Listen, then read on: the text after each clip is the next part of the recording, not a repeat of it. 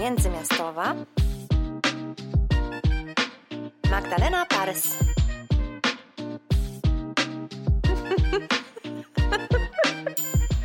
Dzień dobry z Berlina. Witam Was serdecznie, Magdalena Parys.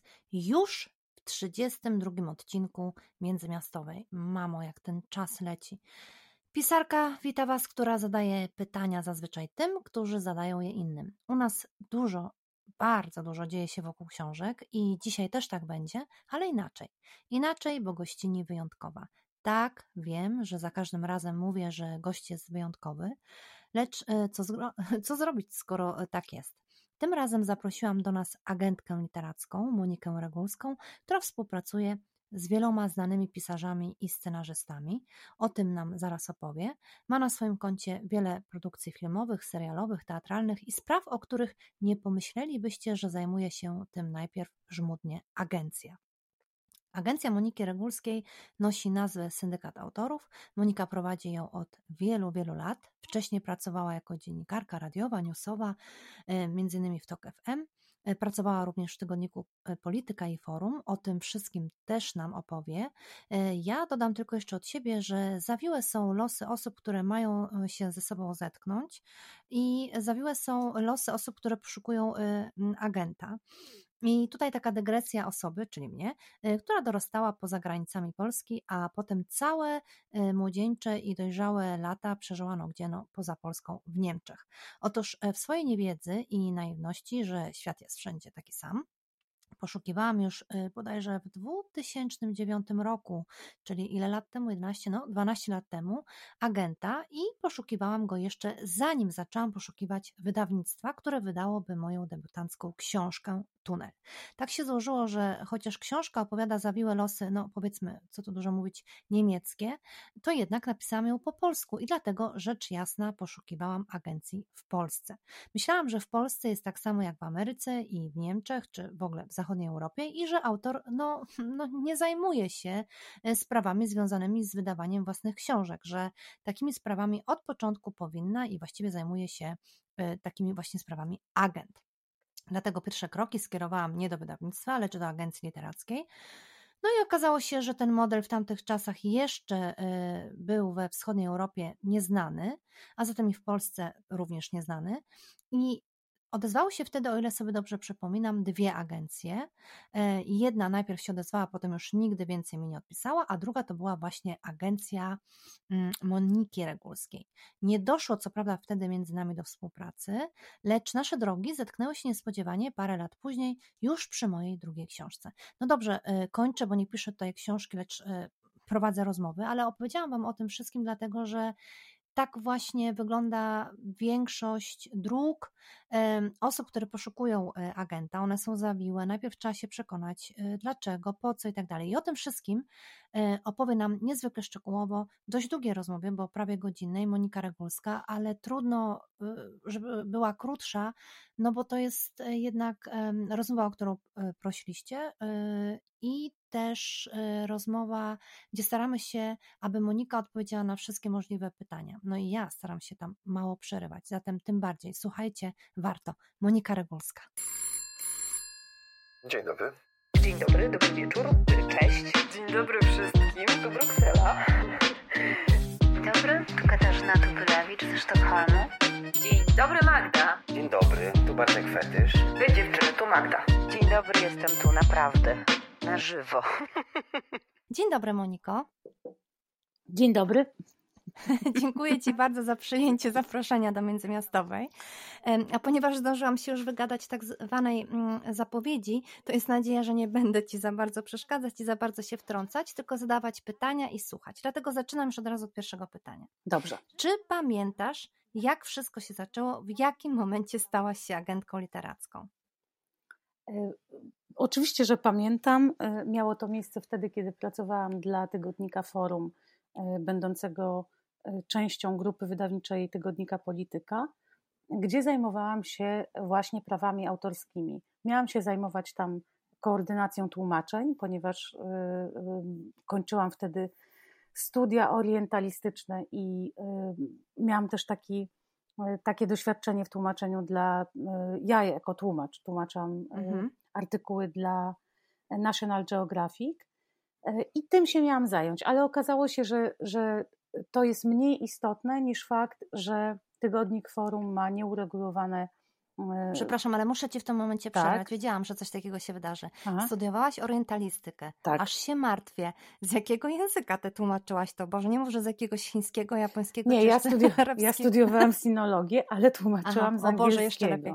Tłumaczyłam mhm. z angielskiego. Rozumiem, okej. Okay. Dla... Okay. Tak, mhm. także, także no, akurat studia sinologiczne polegają na tym, że e, musisz znać inny język, najlepiej mhm. zachodni, Chociaż tak. rosyjski też jest ok, bo, bo, bo akurat, akurat rzeczywiście Rosjanie doskonale też mają opracowaną e, dydaktykę nauka, języka chińskiego. E, mhm. Ja, całe moje studia sinologiczne, czyli cała moja nauka języka chińskiego przechodziła przez angielski. A, rozumiem. Czyli uczyłaś się języka chińskiego po angielsku? Tak. tak. Dobre. No nie ma mhm, inaczej, super. nie mogło być inaczej. Mhm. No, bo, bo, okay. no bo tak. Także stąd, stąd, się to wzięło, ale to, to yy, nieważne, to dygresja. W każdym mhm. razie yy, musiałam w tym, yy, w tym y, tygodniku forum zająć się sprawami praw autorskich, czyli tego, żeby w ogóle ta Polska... A przypomnijmy może mhm. jeszcze e, e, e, słuchaczom międzymiastowej tygodnik Forum. Czy on, ja nawet nie wiem, czy on jeszcze się ukazuje tak, w Polsce. ukazuje się. Tak, teraz jest się dwu... ukazuje. Mhm. Tak, teraz jest dwutygodnikiem. To jest w ogóle, mhm. to jest w ogóle Właśnie, pismo, które zaczęło się ukazywać wydaje mi się, że pod koniec lat w ogóle 50. albo nawet 40. Mhm, z ogromną tak. tradycją pismo tak. które y, y, polegało, i zresztą są takie pisma y, w całej Europie, które było cotygodniowym wyborem najciekawszych artykułów z prasy zagranicznej mhm. w tłumaczeniu na język polski. Tak, tak. I, mhm. i, i to naprawdę są takie pisma w wersjach włoskich, francuskich. To, to teraz oczywiście w dobie internetu, kiedy można sobie przetłumaczyć wszystko na dowolny język z dowolnego języka, to już nie ma aż takiej racji bytu. Ale wtedy, kiedy te, te mm, pisma zdobywały największą popularność, czyli powiedzmy końcówka lat 90. i właśnie początek XXI e, wieku, e, to były znakomite, znakomicie zredagowane e, tygodniki czy miesięczniki. Całą grupę taką one stanowiły, zakolegowane ze sobą, współpracujące mm -hmm, ze mm -hmm. sobą. I całe w ogóle też konglomeraty medialne zajmowały się tym, żeby y, to się, to się nazywa syndykacja. Mhm, no e, tak. I to polega, y, rzecz polega na tym, że sprzedajesz jeden artykuł swojego autora, załóżmy y, swojego autora, który pisze po włosku i który jest opublikowany w codziennej gazecie typu La Repubblica we Włoszech. I czy to organizacja, czy to właśnie redakcja zajmuje się tym, że sprzedaje ten tekst na wszelkie możliwe wersje inne językowe na cały świat. Na przykład właśnie do takiego forum, na przykład do takiego, pracowałaś. Dokładnie tak, mhm. dokładnie tak. Więc mhm. od tego się zaczęło e, i, e, i w tym momencie, kiedy, kiedy zobaczyłam, jak, jak to jest kompletnie nieogarnięte i w ogóle nietknięte w Polsce. Niezagospodarowane w ogóle, prawda? No, to jest nawet bardzo, tak. to jest dużo ładniejsze, tak, dużo ładniejsze określenie tego. Postanowiłaś zagospodarować. Dokładnie tak. Ponieważ tak. wiadomo, że, wiadomo, że uwielbiam sprzątać i, i jestem fanką recyklingu i segregowania śmieci, to postanowiłam no tak. uporządkować ten rynek. E, niestety muszę tak. tutaj coś wtrącić. Kiedy e, Monika odwiedziła... Spodziewałam się tego. Tak, odwiedziła mnie w domu e, w Berlinie. Zaginęła najpierw na kilkanaście minut. Czym się zajęła? Właśnie segregowaniem śmieci u mnie. Nie, żeby się nie segregowało u mnie, ale stwierdziła, że można posegregować to jeszcze lepiej, popłaszczyć te butelki i tak dalej. Także tak to wyglądało to jeśli chodzi o dokładność naszej tutaj agentki. No ale jaki, y, y, y, którego, że tak powiem, od czego się zaczęło? Gdzie jest ten moment, gdzie Monika Regulska jest, ma swój pierwszy przypadek, że tak powiem, swoje pierwsze śledztwo, swoje pierwsze, e, akurat nie, nie rysajcie, nie, nie, nie płaszczenia butelek. To się wytnie. E, to się wytnie, tylko e, no, kogo reprezentuje? Jaki pierwszy autor poszedł na że tak powiem, no na ten pierwszy, pierwszy rzut. Pierwszym autorem, którego zupełnie jak gdyby przypadkiem i z rozpędu Mhm. reprezentowałam wobec innych gazet zagranicznych, był Andrzej Stasiuk, który O, e, pisywał felietony na przykład na zamówienie e, jednego z tygodników niemieckich. aha. E, On, z tego co dobrze pamiętam, miał zamówienie od czasu do czasu na felieton do Frankfurter Allgemeine Zeitung. Mhm. I oczywiście on pisał ten felieton po polsku. E, Tak. e, FAC, tak, czyli Frankfurter tak. Allgemeine, Allgemeine, tak, tak, E, tak, jawohl. e, tłumaczyło we własnym zakresie ten tekst po niemiecku. Mhm. Ale ponieważ tekst ukazywał się po niemiecku, to również wzbudzał zainteresowanie e, e, tygodników czy, czy, czy magazynów Angielskich, angielskich, włoskich, włoskich, francuskich. I trzeba było skoordynować to, że e, ten polski tekst idzie do tłumacza właśnie francuskiego, angielskiego czy włoskiego, ukazuje się wtedy i wtedy i jeszcze zorganizować to pod względem formalnym, że e, prawa są na tyle i tyle, czyli to jest jednorazowa Mhm. publikacja na przykład, bo później jedną z, jedną z pierwszych książek, która ukazała się, Andrzeja Stasiuka, która ukazała się e, po niemiecku, to był zbiór felietonów właśnie Mhm, Dla dla, roz. Mhm. dla różnych gazet, dla A, różnych. mhm. Bo działa to w ten sposób, że kiedy Frankfurter e, zamówił e, tekst u Stasiuka i ten tekst potem w innych tłumaczeniach jako przedruk tak zwany, czy z Frankfurter Allgemeine, czy z innego pisma ukazał się gdzie indziej, to później tamta gazeta e, kontaktowała się ze Stasiukiem bezpośrednio, bo też chciała zająć u niego felieton.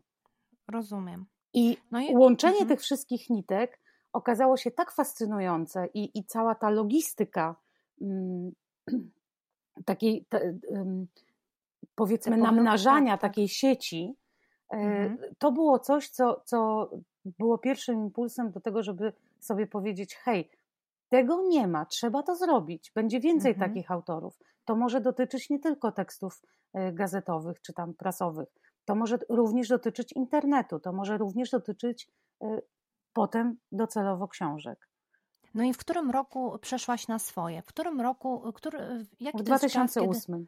W Aha, 2008 i wtedy już, roku y, założyłam tę, tę agencję już jako swoją firmę i jedną z pierwszych rzeczy, y, które robiłam, to były naprawdę dosyć spore kontrakty mm, z tak zwanymi syndykatami, czyli takimi grupami wydawniczymi New York Timesa i Los Angeles Timesa i brytyjskiego Guardiana i, i też brytyjskiego Timesa i tak dalej, mnóstwa gazet. Mhm. I ja ich treści e, kontraktowałam, że tak powiem, czyli podpisywałam umowy licencyjne na treści tych albo grup e, prasowych, albo pojedynczych tytułów, żeby mogły być publikowane w różnych e, polskich gazetach i e, w internecie, bo wtedy również Mhm. zaczął startować Onet ze swoim, ze swoim takim e, serwisem prasowym po polsku. I tam, Mhm. również były, tam również były przedruki z prasy zagranicznej. I te kontrakty z, tych pra, z tej prasy zagranicznej to były moje kontrakty właśnie. A, rozumiem. Mhm. E, A, a e, niezwykle ciekawe, czyli miałaś już od początku e, pracę zarówno w sensie takim, że reprezentowałaś polskiego autora wobec zagranicznych pism czy tygodników, Mhm. ale równocześnie miałaś też i pracę w drugą stronę. Reprezentowałaś te, aha, e, Tak. e, z zachodu na, no, że tak powiem, na wschód. E, No, Tak. Czyli jakby z, e, od razu na głęboką wodę. A kiedy, Nie e, można a kiedy, inaczej. No tak. A kiedy, a kiedy y, y, było tak, że miałaś już swojego pierwszego y, autora czy autorkę, czy nawet może na, możesz nam zdradzić, kto nim był, Mhm. i za, zajęłaś się taką pracą stricte agentki literackiej, która już nie zajmuje się tylko prasą i jakby nie tylko dziennikarskim tym tą odsłoną tego, Mhm. ale też y, konkretnie już pisarzami, pisarkami, może scenarzystami. Zacznijmy może od pisarzy, pisarek. Pierwszym y, autorem, którego, którego zaczęła reprezentować moja agencja, czyli umowa agencyjna numer jeden, Mhm. to była umowa z Tomaszem Piątkiem, A, e, który wówczas ba- publikował naprawdę sporo e, powieści z gatunku takiego mm, trochę no, fantazy, innego niż dzisiaj. zdecydowanie innego niż Tak, tak. dzisiaj, Chociaż ja nie E, wiem, no tak. mhm. zdecydowanie innego niż dzisiaj i, mhm. to, i to zawsze były pomysły naprawdę mm, on miał wtedy,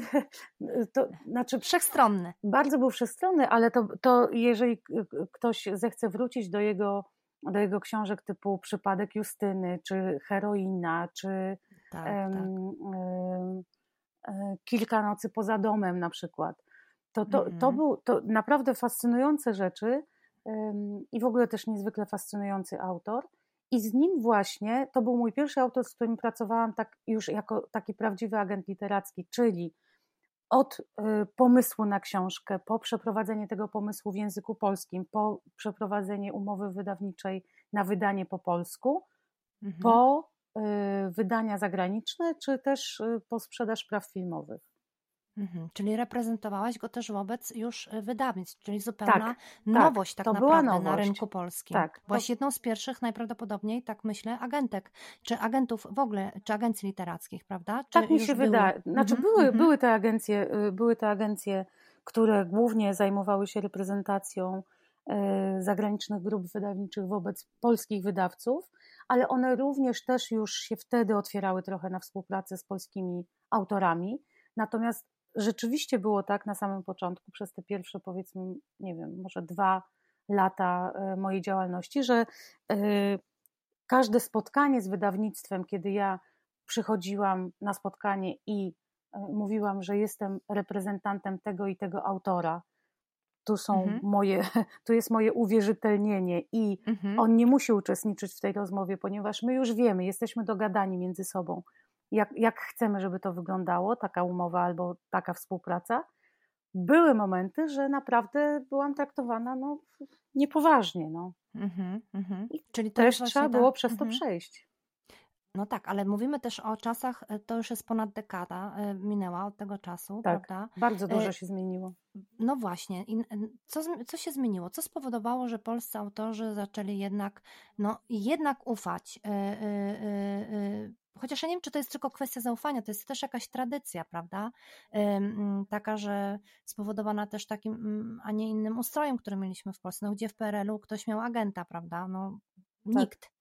E, Chyba, że Polański potem, ale nie przecież nie w Polsce.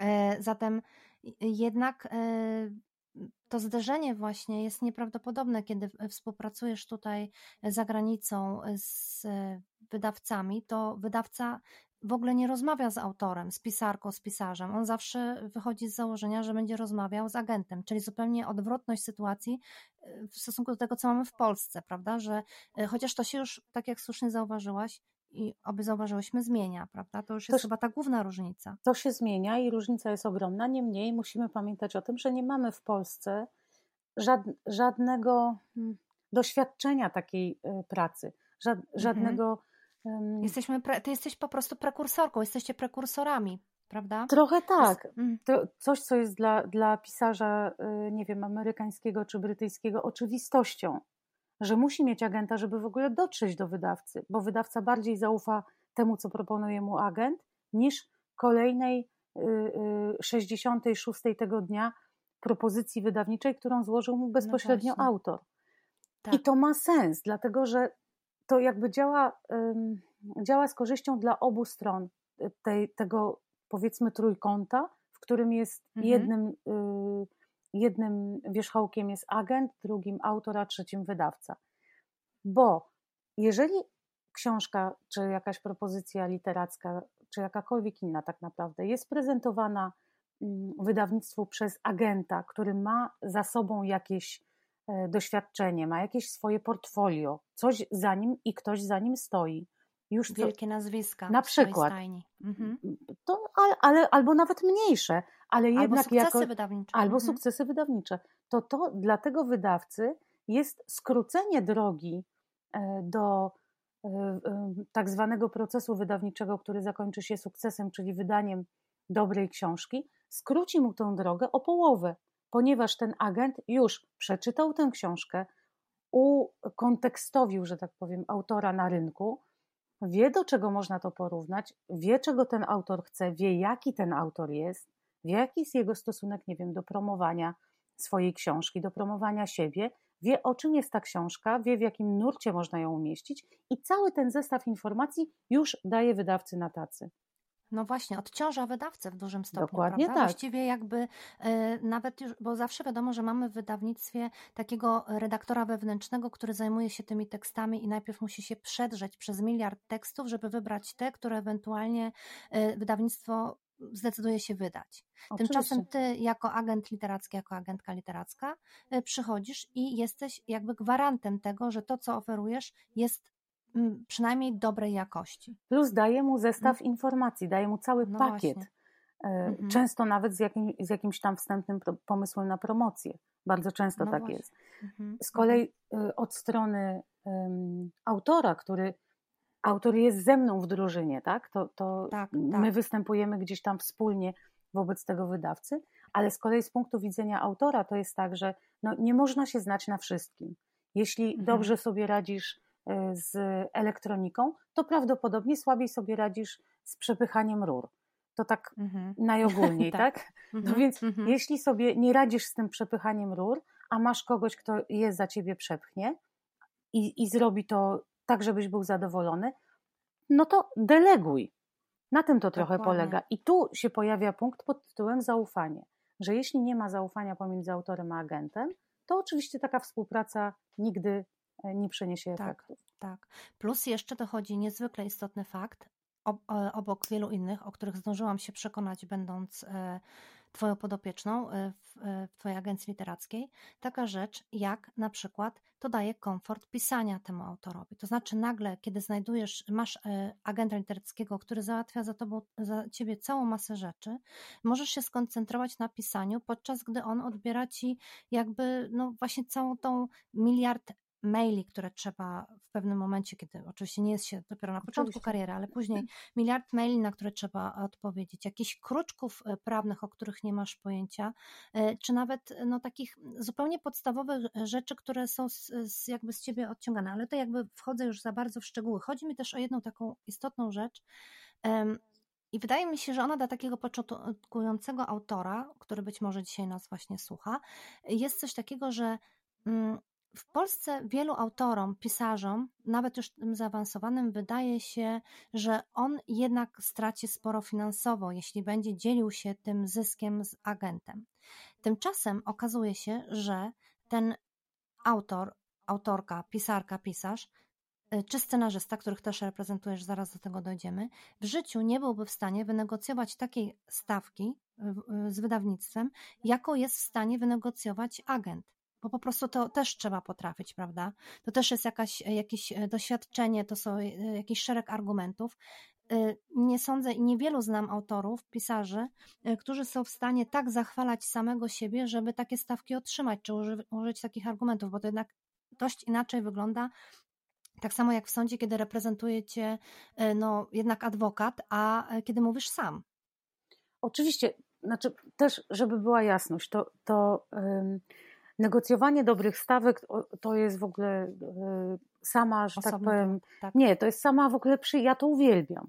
Ja to po prostu uwielbiam. E, A e, niestety pokutuje w Polsce takie mm, tabu dotyczące rozmawiania o pieniądzach. Ja nie Mhm. mam z tym problemu, ponieważ uważam, że jeżeli autor poświęca swój czas i to jest jego praca, i poświęca swój wysiłek intelektualny, i swoją pasję, i swoje serce w to, żeby coś napisać, i to coś jest tak dobre, że wydawca chce to wydać, czyli zarobić na tym pieniądze, no to po prostu należy się temu autorowi za to godziwe wynagrodzenie. Ale Mhm. też, żeby była jasność. e, Jedni będą mieli takie stawki, inni będą mieli inni, inne, dlatego że za każdym razem to bardzo zależy od tego, co to jest za autor, jaki jest jego status, jaki jest, co za nim stoi już. Tak? Mhm. Czyli ile, ile ma na koncie wydanych książek i w jakich egzemplarzach te książki się sprzedały. Więc y, tutaj, bo wiem o tym, że szykujesz się na to pytanie o te stawki, Więc jakby, no To ale wiesz, to jest niezwykle pasjonujące. to, Tak. to jest pasjonujące, tak, ale od razu można powiedzieć, że te stawki mogą być tam od paru procent do, do kilkudziesięciu.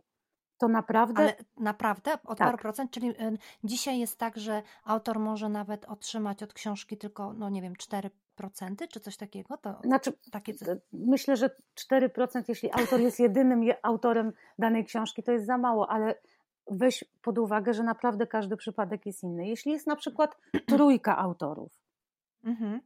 e, No tak. i dostaną 15% takiej bazowej stawki od sprzedaży książek w wersji papierowej, no to każdy, i dzielą się porówno, to każdy z nich dostanie 5.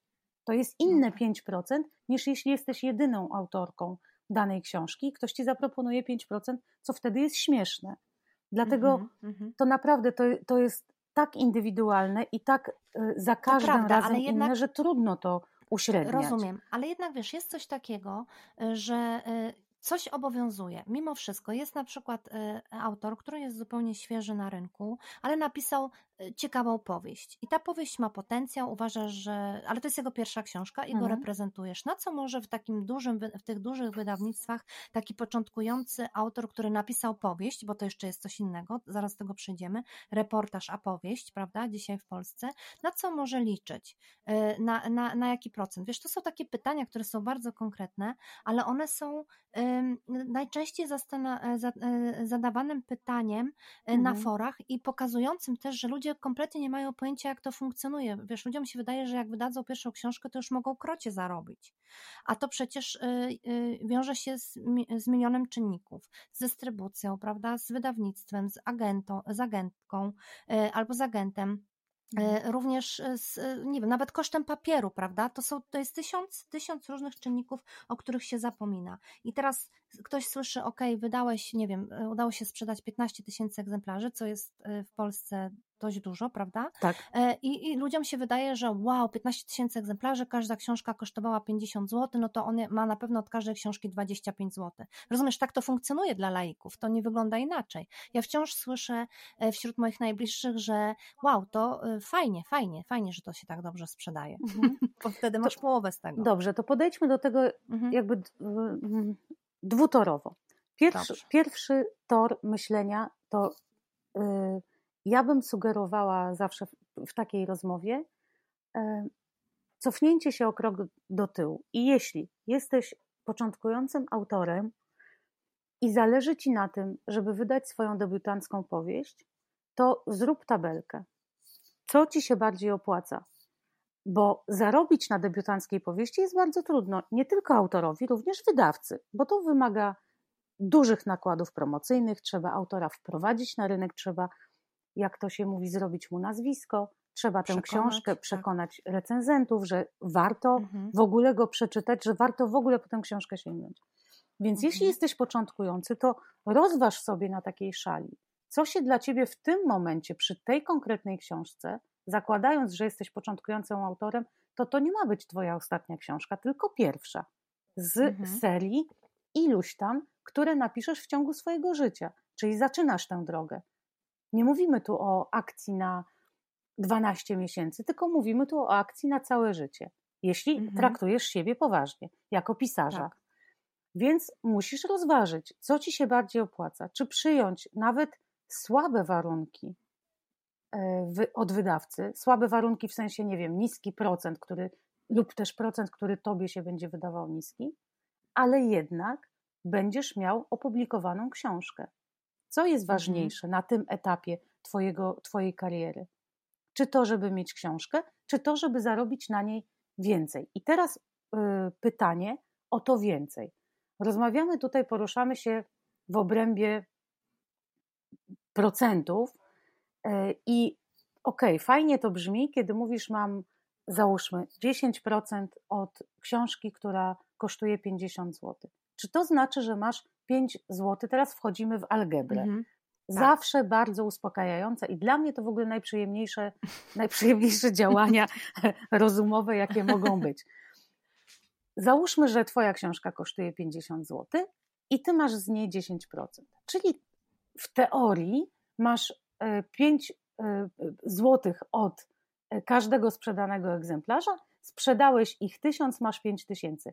Otóż nieprawda. Nieprawda, bo po pierwsze, od ceny książki należy odliczyć VAT. To jest co prawda 5%, ale jednak zawsze. To już zmienia Mhm. tę, tę cenę, tak? Następna rzecz. W Polsce obowiązują takie reguły gry rynkowej, że dystrybutor, czyli hurtownik, czyli księgarz, cała ta, ta strefa dystrybucyjna zabiera dla siebie od 50 do czasem nawet 60% ceny książki, mhm. którą ty jako klient płacisz, ty jako czytelnik płacisz, zostawiasz w księgarni. A kto jest w Polsce dystrybutorem dla naszych słuchaczy? No, różne są firmy dystrybucyjne. Mhm. Jest, tych firm jest sporo. Natomiast tak, mhm. taka jest marża dystrybucyjna. Została ona przez ileś tam lat funkcjonowania tego rynku ugodzona pomiędzy wydawcami a dystrybutorami. Nie będziemy w to wchodzić, bo to, bo, mhm. bo to jest jakby zbyt skomplikowany temat. Mhm. I, no ale mamy taki procent właśnie, ale tak, 50 tak, tak, taki, taki procent funkcjonuje. Czyli teraz, nawet jeśli to jest 50%, to tak, po odjęciu z tych 50 zł, które kosztuje książka na okładce, już jak odjęliśmy VAT, to jest tam około tam powiedzmy 48 zł i z tych 48 zł znowu dla łatwiejszego rachunku załóżmy, że tylko 50% bierze, e, bierze sobie dystrybucja i, i hurtownia. Zostaje do rozliczenia 24 zł z tych 50. Mhm. A gdzie wydawca?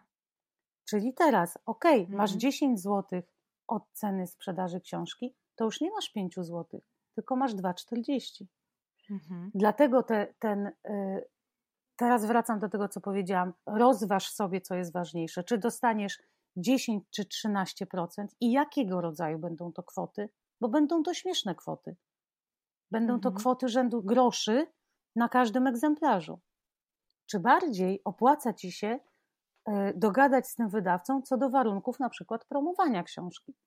Tego, żeby była ona na billboardach, tego, żeby, żeby była e, w mediach, żeby wydawca skoncentrował się na tym i zainwestował w to, żeby cię wypromować. Mhm. Tak bym do tego podeszła. I, to, I tak można już liczyć na wielkie szczęście, bo ilu początkujących pisarzy może liczyć na to, nieważne jak świetną napisał e, książkę, a chodzi mi tutaj teraz o polskich pisarzy, żeby wylądowali na billboardach. To raczej nie jest aż tak częste, prawda? Y, Czy jednak zdarza się? Że początkujący nie, zda, całkiem... zdarza się, oczywiście, tak? że, oczywiście, że tak. To jest, to jest tylko kwestia tego, na ile wydawnictwo chce zainwestować e, w tego a, autora. Rozumiem. Po prostu. Mhm. Natomiast też weźmy pod uwagę, że od paru lat jest bardzo y, dobrze działający rynek tak zwanego self-publishingu. I mhm. wtedy wydajesz książkę, którą e, ten self-publishing polega na tym, że firma, która powstała w tym celu, bierze od ciebie twoją książkę, redaguje ją, wprowadza ją na rynek, e, natomiast jakby cały dochód, który, który z tego masz, należy do ciebie. Musisz zainwestować, bo musisz zapłacić tej firmie, ale wszystko to, co przychodzi, należy do ciebie. I teraz pytanie jest takie, ok, nie było promocji, nie stało za tobą wydawnictwo, wydałeś książkę w self-publishingu, y, kupiło ją 300 osób. Mhm. Czy było to tego warte? Okej, okay, cały dochód z tych 300 egzemplarzy jest dla ciebie. I co z tak, tego? Czy zaistniałeś, jako, tak. czy zaistniałeś jako pisarz? Są pewne rzeczy, no to, to nie jest zawód taki jak yy, powiedzmy. Piekarz. Mm, piekarz, no dokładnie, że, że dostajesz proporcjonalnie do, do włożonego wysiłku dostajesz jakby od razu e, swoje wynagrodzenie. No piekarz upie, upiecze tysiąc chlebów, zarobi z tysiąca sprzedanych chlebów. Jeśli jesteś tak. pisarzem, to to tak nie działa, prawda? Musisz dużo mhm. więcej mhm. zainwestować z siebie samego, swojej pasji, mhm. swojego czasu, swojego, nie wiem, researchu, swojego głowienia się, swojej neurozy w to, mhm. żeby w ogóle zaistnieć, a i też wiadomo, że no nie każdemu jest to dane, bo niestety tak jest. Jest, tak. jest mnóstwo osób, którym wydaje się, że mogą być, chcą być pisarzami, że napisali coś świetnego i prawdopodobnie w wielu przypadkach tak jest. I nigdy te książki nie, nie ujrzą światła dziennego. Tak to wygląda. Tak samo jak jest y, mnóstwo osób, które uważają, że byli, byłyby, byłyby czy byliby świetnymi aktorami. Niestety nigdy nie zobaczymy ich ani na scenie, ani w żadnym serialu. Taka mhm. jest specyfika tego rodzaju artystycznych przedsięwzięć, że no niestety uda się jakiemuś procentowi tej grupy, a innym nie. Tak. Mhm. No właśnie, i tu jesteśmy przy tym temacie Właściwie wszystko już o tym powiedziałaś. To jest, to jest e, naprawdę bardzo ciężki, bardzo trudny zawód e, i wymaga olbrzymich poświęceń. I nawet jeśli się wydaje pod koniec, że już jest tak super, to nagle się okazuje, że musisz wykonywać rzeczy, których wcale się nie spodziewałeś pisząc książkę. Na przykład okaże się, że twoja książka zostanie przetłumaczona na kilkanaście języków i musisz nagle podróżować a równocześnie złożyłeś podpis na nową książkę, ale co masz zrobić, kiedy masz ją napisać, skoro musisz podróżować i promować w tych innych krajach tę książkę. I nawet jeśli dzisiaj naszym słuchaczom wydaje się to mm, przedziwne, że ktoś może tutaj uznać to za coś, co nie jest y, pozytywne, to kiedy ma się na przykład rodzinę, prawda?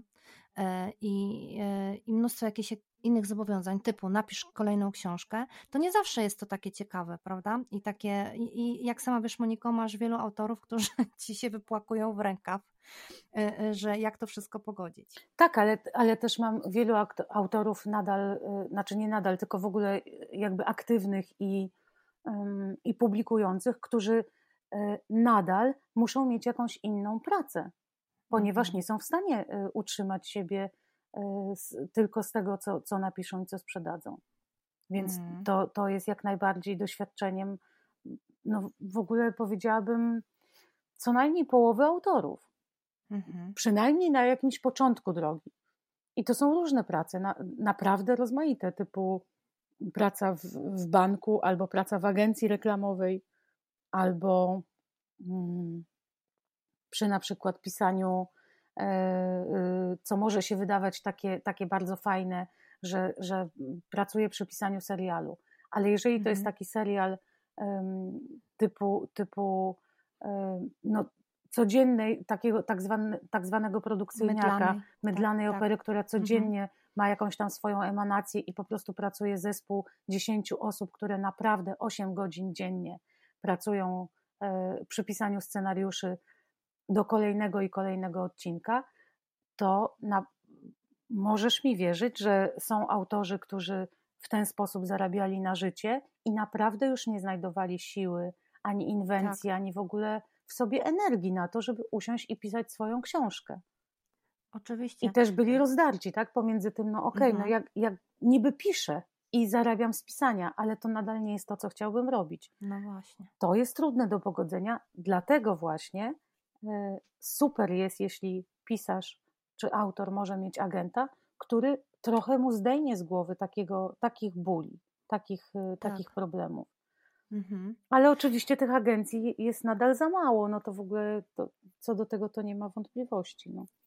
No właśnie, Moniko, bo ty, skoro już jesteśmy przy tematach właśnie serialu, e, czy w ogóle no, scenariuszy i tak dalej, mhm. to wiemy, że reprezent, znaczy, reprezentujesz nie tylko prawa pisarzy, ale też e, reprezentujesz scenarzystów. Mhm. E, I teraz takie moje pytanie, czy y, reżyserzy, zawsze zadaję sobie to pytanie w Polsce, e, operatorzy filmowi, może też kostiumolodzy, też mają swoich agentów, czy to raczej mają? Wiesz, Oczywiście, tak, że też mają. A, nawet, okay. nawet w ogóle ta, ta branża agencji filmowych, które obsługują wszelkiego rodzaju twórców filmowych, czyli właśnie akurat, akurat tak. najmniej mhm. kurczę scenarzystów tak naprawdę, mm -hmm, ale mm -hmm. począwszy od reżyserów, a, a, a, a, później przez cały ten, ten naprawdę ogromny zespół, czyli i kostiumolodzy, i scenografowie, i operatorzy, e, i nawet makijażystki mają swoje, tak. swoich agentów i swoje agencje.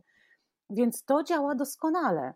Naprawdę, mhm. w Polsce pod tym względem jest, jest naprawdę bardzo, bardzo dobrze. Są ogromne agencje, mniejsze agencje mm, y, reprezentujące, obsługujące, obsługujące cały ten, cały ten rynek. Mhm. Tak, tak. Mhm. Akurat najsłabiej jest ze scenarzystami, może dlatego, że bardzo często y, jest tak, że polscy reżyserzy sami piszą swoje scenariusze. Mhm. Mhm. I jest w ogóle bardzo duży niedobór dobrych scenarzystów. No ale to może też się zmieni, bo jest też z drugiej strony bardzo dużo szkół i kursów różnego rodzaju, państwowych, prywatnych, no naprawdę wszelkiego rodzaju, które się zajmują kształceniem scenarzystów.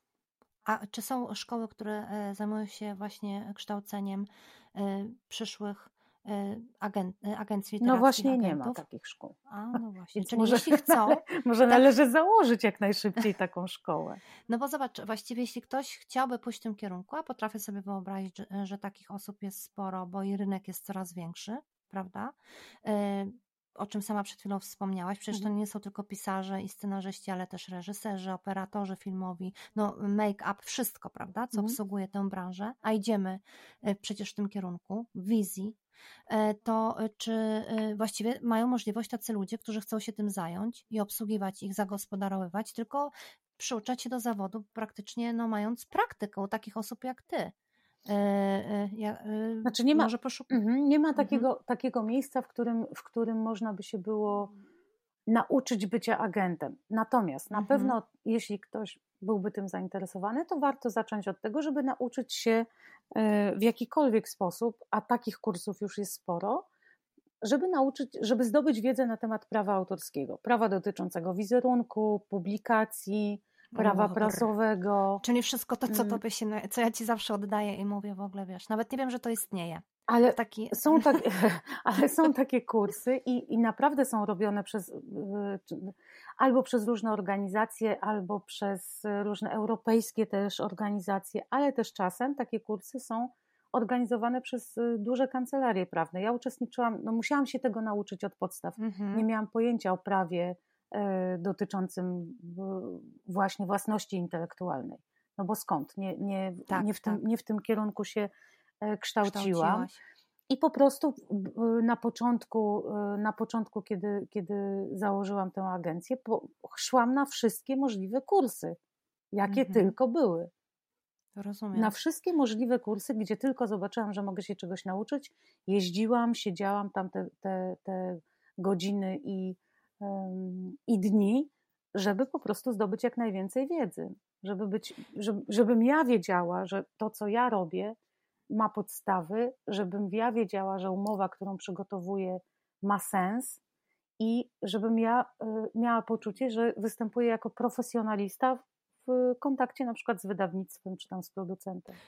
Czyli to wygląda też w ten sposób, znów dla nas, dla naszych y, słuchaczy taka dodatkowa informacja, że właściwie y, ty reprezentując y, pisarza czy scenarzystę, y, to y, w sumie najpierw przez twoje ręce przechodzi cała ta y, prawna y, strona tego wszystkiego i już nie musisz kontaktować się dodatkowo z prawnikiem. Czy robisz to jednak? Jeśli są sytuacje, oczywiście, że robię, jeśli są Mhm. sytuacje takie. Czy masz taką stałą współpracę? Tak, tak. Oczywiście na, na stałe współpracuję z, y, z, mm, z kancelarią, która się zajmuje prawem autorskim, ponieważ no, są takie sytuacje zadziwiające, że Mhm. trzeba mieć jakąś taką w miarę, powiedziałabym, oficjalną wykładnię. Albo Mhm. móc się podeprzeć taką wykładnią. No to, To tak przy, przy, nie na co dzień, ale no, niestety Mhm. czasem tak się zdarza, oczywiście. No oczywiście, ale to tak e, prześmiesznie brzmi, bo ja jako twoja autorka od wielu, wielu lat e, zadaję takie pytania, ale zadaję je i to właśnie pokazuje, jak e, mało też wiem i jak wiele spraw właśnie agencja literacka, agentka literacka z moich pleców ściąga, że ja nawet nie wiem, jak to szczegółowo wygląda i sama dzisiaj podczas tego podcastu o bardzo wielu rzeczach się dowiaduję, bo przeważnie, proszę Państwa, wygląda to w ten sposób, że autor, autorka, pisarka, pisarz przychodzi Teraz będzie, do, teraz będzie fabuła, uwaga. Teraz, Teraz będzie fabuła, fabuła. tak. Przychodzi, przychodzi do, swojego, e, do swojej agentki i wypłakuje mu się, że e, e, to, to i tamto, ale oczywiście nie, nie dotyczy to jakiegoś e-maila czy jakichś takich konkretnych spraw. Nie, to są sprawy takie, a ten temat mnie idzie, a to tego, a, to chcę o tym napisać, oni każą mi o tym napisać, a interesuje mnie to, a nie chcę się już pisać tej książki, więc e, tutaj dochodzimy do drugiej e, strony. Często jest tak, że agent literacki jest również psychologiem, który musi wysłuchiwać tysiąca najróżniejszych e, rzeczy, które niekoniecznie, a ale też, wiesz, on nie tylko takim coachem, ale też kimś, kto po prostu musi wysłuchać teraz całej fabuły książki. Dlatego Monika teraz powiedziała o tej książce, czyli o czym ta książka będzie, a pod koniec okazuje się, że ten autor w ogóle e, e, nie napisał książki o tym, o czym opowiedział autor e, swojemu agentowi. Także to jest jeszcze taka odrębna historia, że ile razy jest tak, że autor, że agent ma dziennie po 10 telefonów od swojego autora, które w ogóle nie dotyczą pytania, które są tam zadawane, jakichś tam konkretnych spraw, tylko chodzi zawsze o książkę, o jakieś męki twórcze.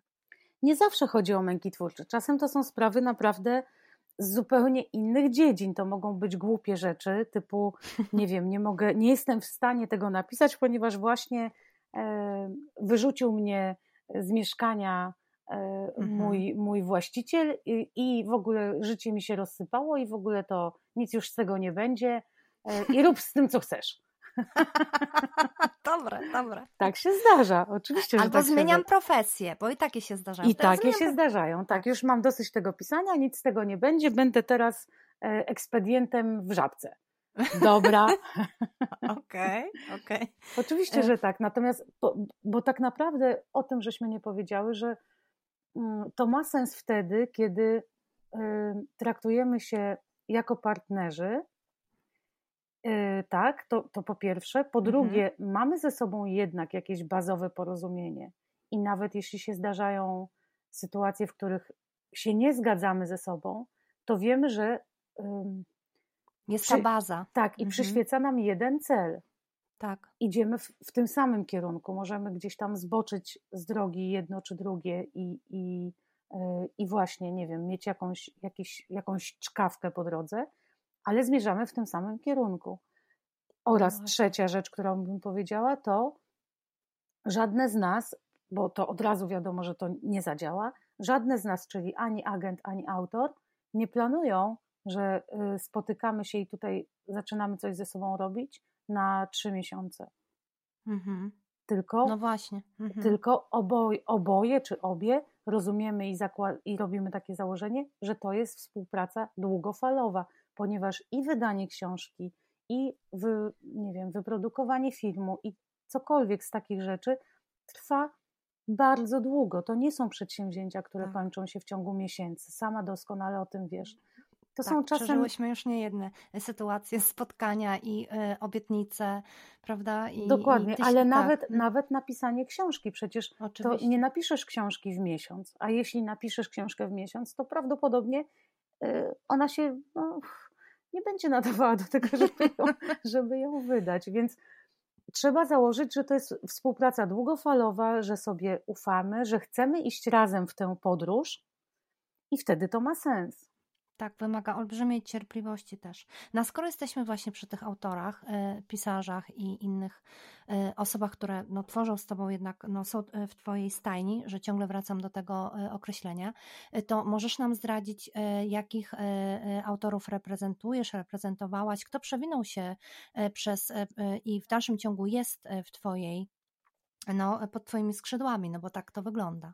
To ja bym zachęcała jednak, żeby sobie zajrzeli do internetu. Jest strona y, y, internetowa Syndykatu Autorów. Tam są i autorzy, którzy aktualnie są pod opieką agencji, i też y, niektóre, niektórzy z autorów, z którymi współpracowaliśmy, czy firmy, bo czasem, mhm. czasem to, są, to są firmy, na przykład, znaczy firmy typu wydawnictwa, tak. które, które ja reprezentuję, powiedzmy, w, na przykład w zakresie praw filmowych, więc to wszystko można można sobie samemu doczytać i wydaje mi się, że tak jest jakoś bardziej elegancko niż rzucanie nazwiskami, bo dlaczego to nazwisko lub a nie inne, tak. prawda? Tak. Dlaczego tak. ktoś ma się czuć pominięty? Tak, albo... bo zaraz będzie awantura, że zaczęłaś od Masłowskiej mm. czy od Żulczyka, a nie od Parys na przykład, nie? Że wiesz, według, będzie awantura o kolejność, ale to zapraszamy na stronę internetową. Tak a powiedz jeszcze, Moniko, co decyduje o tym, że, bo to dzisiaj jest taka sytuacja, że niekoniecznie jest tak, a właściwie to już od dawna e, e, nie jest już tak, że, że to ty poszukujesz autorów, tylko w dzisiejszych czasach jest tak, że to jednak autorzy, pisarze, e, twórcy poszukują ciebie. Co decyduje o tym, że jednak Monika Regulska mówi: OK, postawię na tego autora i, i zajmę się jego sprawami. Wiemy, że no, to nie każdemu się udało wejść do Twojej agencji i stać się Twoim podopiecznym. E, tak, zaraz e, odpowiem na to pytanie, tylko chciałam e, tak tylko zauważyć, że mamy 46 minut ponad nagrania, więc myślę, że musimy zmierzać do jakiegoś finału. Wiesz, że to ja jestem od, dyscypliny, więc tak. Oczywiście. No, To będzie przedostatnie pytanie, Dobrze, ponieważ właśnie się rozbujałyśmy. Teraz fantastycznie, teraz różne takie smaczki są. dobrze. A mówię o tym dlatego, że mm, u nas to jest tak zawsze, że y, y, ja obiecuję wszystkim, że będzie 45 minut, a i tak wszyscy wiedzą, że będzie godzina 5 minut. Także wiesz, nie ma lekko. Dobra, więc żeby krótko odpowiedzieć na Twoje pytanie. Przede wszystkim, y, jeżeli, znaczy, co, co decyduje w pierwszym rzędzie? Oczywiście to, co ten ktoś stworzył czy napisał. I nieważne, czy to było wydane, czy nie wydane, bo, bo też bardzo szczycę się tym i naprawdę jestem z tego ogromnie dumna, że udało mi się doprowadzić do publikacji y, książek co najmniej kilkorga debiutantów. Mhm. E, I to i naprawdę uważam, że to jest. y, Ja bardzo lubię to. To jest najtrudniejsza jakby działka te, tego przedsięwzięcia, ale bardzo dużo dająca satysfakcji, bo to jest takie mm, bycie z kimś na samym początku drogi. To, to y, jak to się potem udaje i przeradza w taką, w, w taką naprawdę dłuższą, wieloletnią współpracę, to, to nie ma nic fajniejszego. To jest ogromna satysfakcja dla mnie. A byłaś na przykład, przepraszam, że wejdę słowo, z Dorotą Masłowską od początku? Nie, E, Dorota, jeśli- nie, nie, Dorota Mhm. do mnie trafiła już oczywiście po wojnie polsko-ruskiej Aha, e, okej. i y, miała, miała napisaną wojnę polsko-ruską i wydaną i miała napisany, a jeszcze nie zrealizowany pierwszy swój y, spektakl, znaczy sztukę y, sceniczną, czyli Dwoje biednych Rumunów mówiących po polsku. To był moment, Mhm. w, którym, w którym Dorota, do, z Dorotą udało nam się zetknąć, spotkać, dogadać y, i pierwszym naszym wspólnym przedsięwzięciem była ekranizacja wojny polsko-ruskiej jako Mhm. filmu. No tak, bo to należy, tak, należy wspomnieć, że masz na swoim koncie sporo właśnie też takich sukcesów też filmowych, no bo to y, wiadomo, że autor pisze, ale y, autora też się chętnie jego dzieła filmuje i ty też y, w tym od początku uczestniczysz, bo to jest naprawdę bardzo już najtrudniejszy moment dla autora. Autor przestaje cokolwiek rozumieć. Jeśli trudność sprawia mu rozumienie kilkunastostronicowej umowy z wydawnictwem, Tak, umowa, e, e, jeśli chodzi o te filmy, scena, e, Mhm. wo- nie, nawet nie chcę o tym myśleć, mnie od razu jest słabo. Tam, gdzie ty rozkwitasz, ja natychmiast e, odchodzę. Tak, to, bo, bo to jest rzeczywiście, ja rzeczywiście odnajduję, znaczy uważam, uważam, że, że uporządkowana i taka naprawdę dogadana co do intencji, co do zapisów umowa, czy to wydawnicza, czy dotycząca ekranizacji, czy dotycząca czegokolwiek, no tak naprawdę nawet y, stworzenia, nie wiem, wersji audio z jakiejś książki, Mhm. Tak, to jest y, po prostu takie, taka perełka sama w sobie, ponieważ to, to nam daje taki szkielet do współpracy, która już wtedy nie ma pola, nie ma miejsca na to, żeby ta umowa nie zadziałała lub żeby tak. ktoś czegoś nie zrozumiał lub czegoś nie wiedział lub się z czymś źle czuł. To jest naprawdę tak istotne, to oczywiście nie zawsze się udaje, bo, bo czasem zostają jakieś tam obszary nieobjęte tym, albo ktoś czegoś nie zrozumiał, albo intencje były całkiem inne niż Mhm. y, się stronom wydawało, ale dążenie za każdym razem do tego, żeby podpisać po prostu maksymalnie klarowną i oczywistą w swoich intencjach umowę dla, oczywistą dla każdej ze strony, to jest y, taki, no to jest taki mój y, święty gral, taka umowa.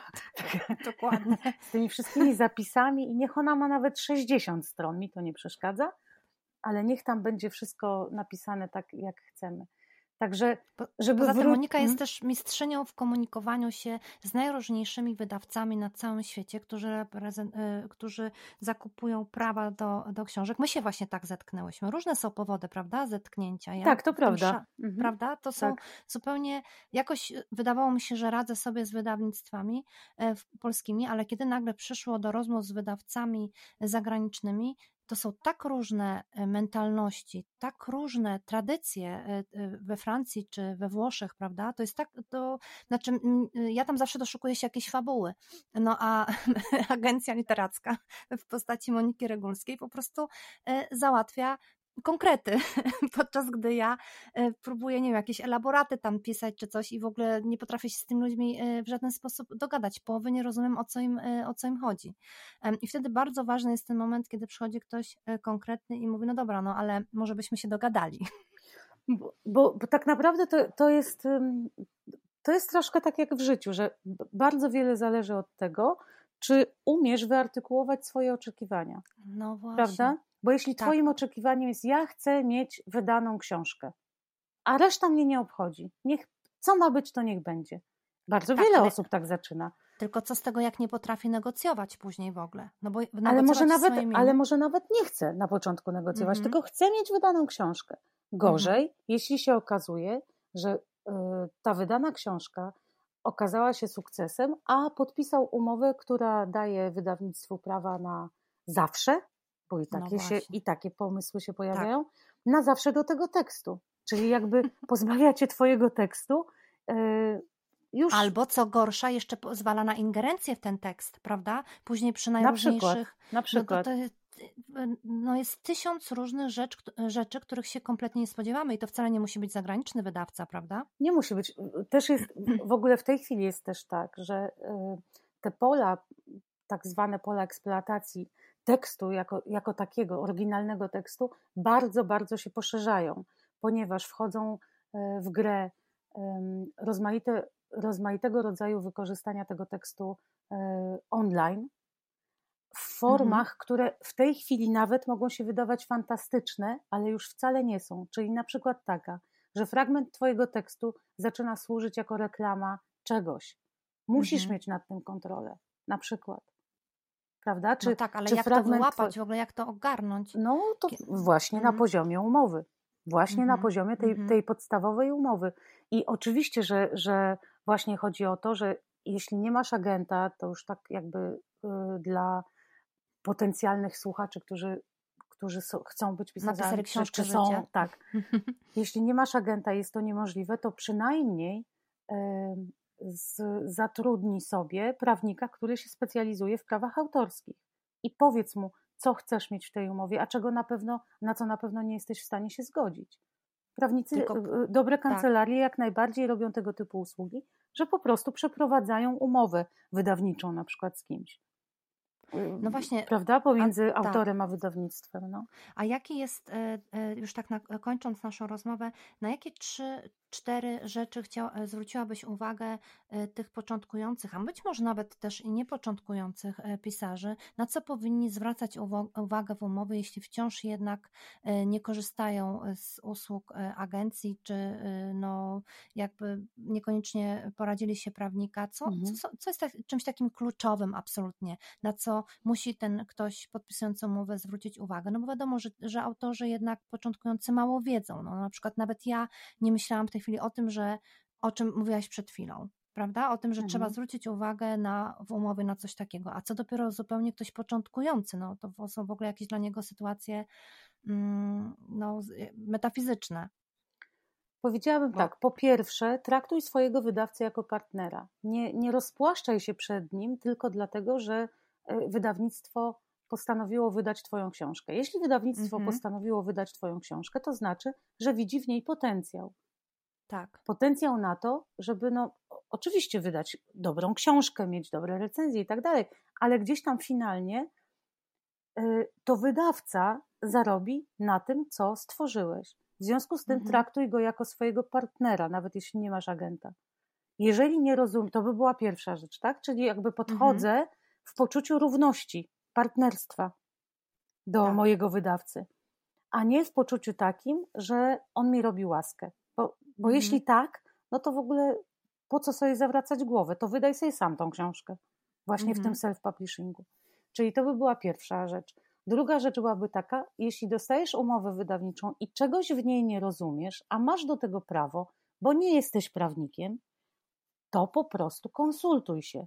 Pytaj się, czy właśnie y, y, pisarza, który już, nie wiem, jest Twoim kolegą, a ma za sobą y, jakieś tam umowy, w, jakby w, w, gdzieś tam w jakimś, jeśli to jest naprawdę super, super pilne, znaczy super takie istotne i, i gdzieś tam ważne i są tam duże rzeczy, nie wiem, chodzi o duże pieniądze, albo wszyscy mają poczucie, że to będzie hit, e, czyli typu super komercyjna książka, o której od razu wiadomo, że, że to będzie strzał w dziesiątkę, to zatrudnij tego prawnika, jeśli nie uda ci się zdobyć agenta.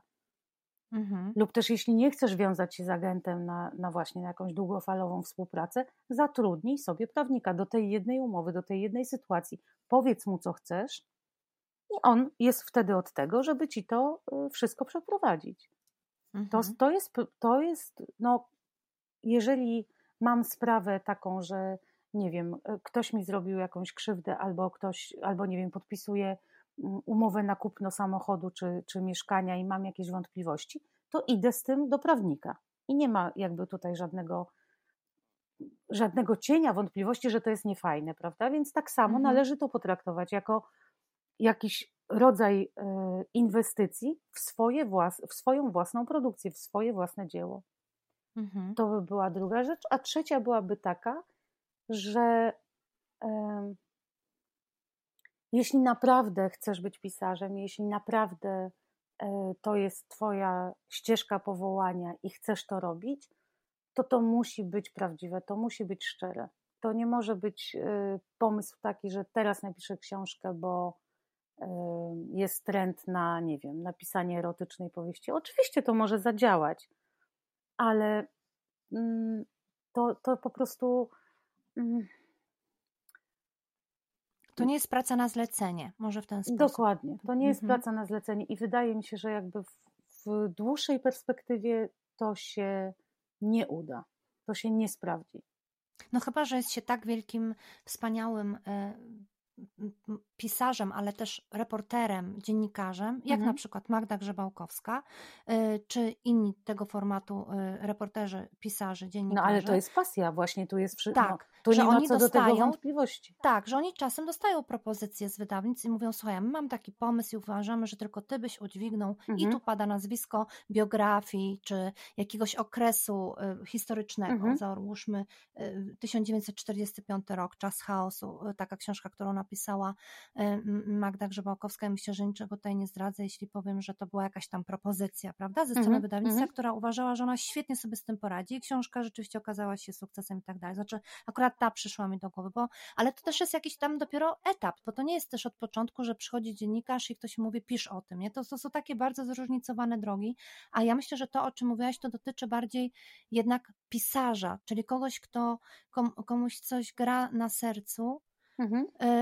I nawet jeśli to nie jest modny temat i nikogo to nie interesuje, jemu się wydaje, że to nikogo nie zainteresuje, to to nie jest ważne, bo ważne jest, żeby on po prostu napisał to, co dla niego jest ważne, bo wtedy to jest prawda. Jak, Jak to najbardziej. Prawda, to, Jak to, to jest ważne i dobre. Oczywiście, no że tak. Nawet jeśli to jest pisane na zlecenie, no to jeżeli podejmujesz się takiego zlecenia i myślisz sobie, okej, okay, to jest fajne, to mi się podoba, to jest fajny temat, no to tak samo działają przecież scenarzyści wie, powielokroć mm e, mm -hmm. filmowi i można z tego zrobić naprawdę y, y, super rzecz, okazać ten, swoją, ten, ten, ten swój cały artyzm i, i to, że to jest kawałek sztuki, to y, jakby nie umniejsza, um, nie umniejsza takiego faktu, że to nie musi być koniecznie to, co byś ty akurat w tym momencie napisał. Mhm. Nieważne. Mhm. Jeżeli mhm. tylko przystępujesz do tego zadania zleconego z takim samym sercem i z taką samą pasją, jak do tego, co byś pisał sam dla siebie, to już jest ok. Tak uważam. Dziękuję Ci, Moniko. Mam ochotę, wielką ochotę zadać jeszcze cztery pytania, ale chyba musimy zrobić. Zostały jeszcze cztery pytania, które są niezwykle ciekawe. Jedno ciekawsze od drugiego. Może po prostu to... kiedyś umówimy się jeszcze raz. I oczywiście, zrobimy oczywiście. Tak. Zrobimy drugą część, taką właśnie, bo na pewno y, spotkamy się tutaj z naszymi słuchaczami y, na tej drodze. Oni często piszą później e, pytania, jeszcze czegoś, coś chcieliby zgłębić i proszą o kolejne części. Mam już, takie, e, mam już takich kilka, gdzie druga część musi być wyprodukowana i myślę, że tutaj będzie podobnie. Bardzo, bardzo Ci dziękuję, że Ja również dziękuję nam... za zaproszenie. Tak, że zgodziłaś się tam, tak szczegółowo o tym wszystkim opowiedzieć. E, dziękuję Ci, że dowiedziałam się paru rzeczy, o których nie miałam zielonego pojęcia. No i cóż, no i teraz wyłączamy się. Tak jest i wszystkiego tutaj... dobrego w nowym roku wszystkim, którzy słuchają, bo to jest taki moment, prawda? Jeszcze można sobie składać życzenia. Wszystkiego dobrego w nowym roku, cudownych, wspaniałych książek, e, ważnych, ciekawych e, scenariuszy. A czego ty byś sobie e, życzyła, Moniko, w tym nowym roku? Ja bym sobie życzyła tego, żeby. Hmm, może. Zawodowo. Za, mhm. Tak, tak. Mhm. Właśnie staram się to jakoś. Powiedziałabym może tak, że żeby Naprawdę trudno jest zaplanować często coś na, na parę miesięcy naprzód i to się oczywiście też odbija na rynku książki, to w ogóle nie ma, nie ma co mhm. ukrywać. Więc życzyłabym sobie, żebyśmy bardziej ze sobą rozmawiali na, na e, takiej elastycznej, spokojnej zasadzie e, właśnie partnerskiej, a nie traktowali się e, zimno biznesowo że albo w tą, albo w tamtą i nie ma drogi pośrodku, bo wydaje mi się, że zawsze jest mhm. jakaś droga pośrodku. Myślę, że to, tego bym sobie życzyła. A to w ogóle są piękne życzenia, chyba nie tylko zawodowe, tylko na ten trudny czas dla nas wszystkich i to trafia chyba w każdy zawód i w każde serce. Pozdrawiamy, życzymy właśnie tego i wszystkiego dobrego, Moniko. Oby się Dziękuję to bardzo. Twoje marzenie spełniło. Dziękuję. Bye, bye. Pa, pa.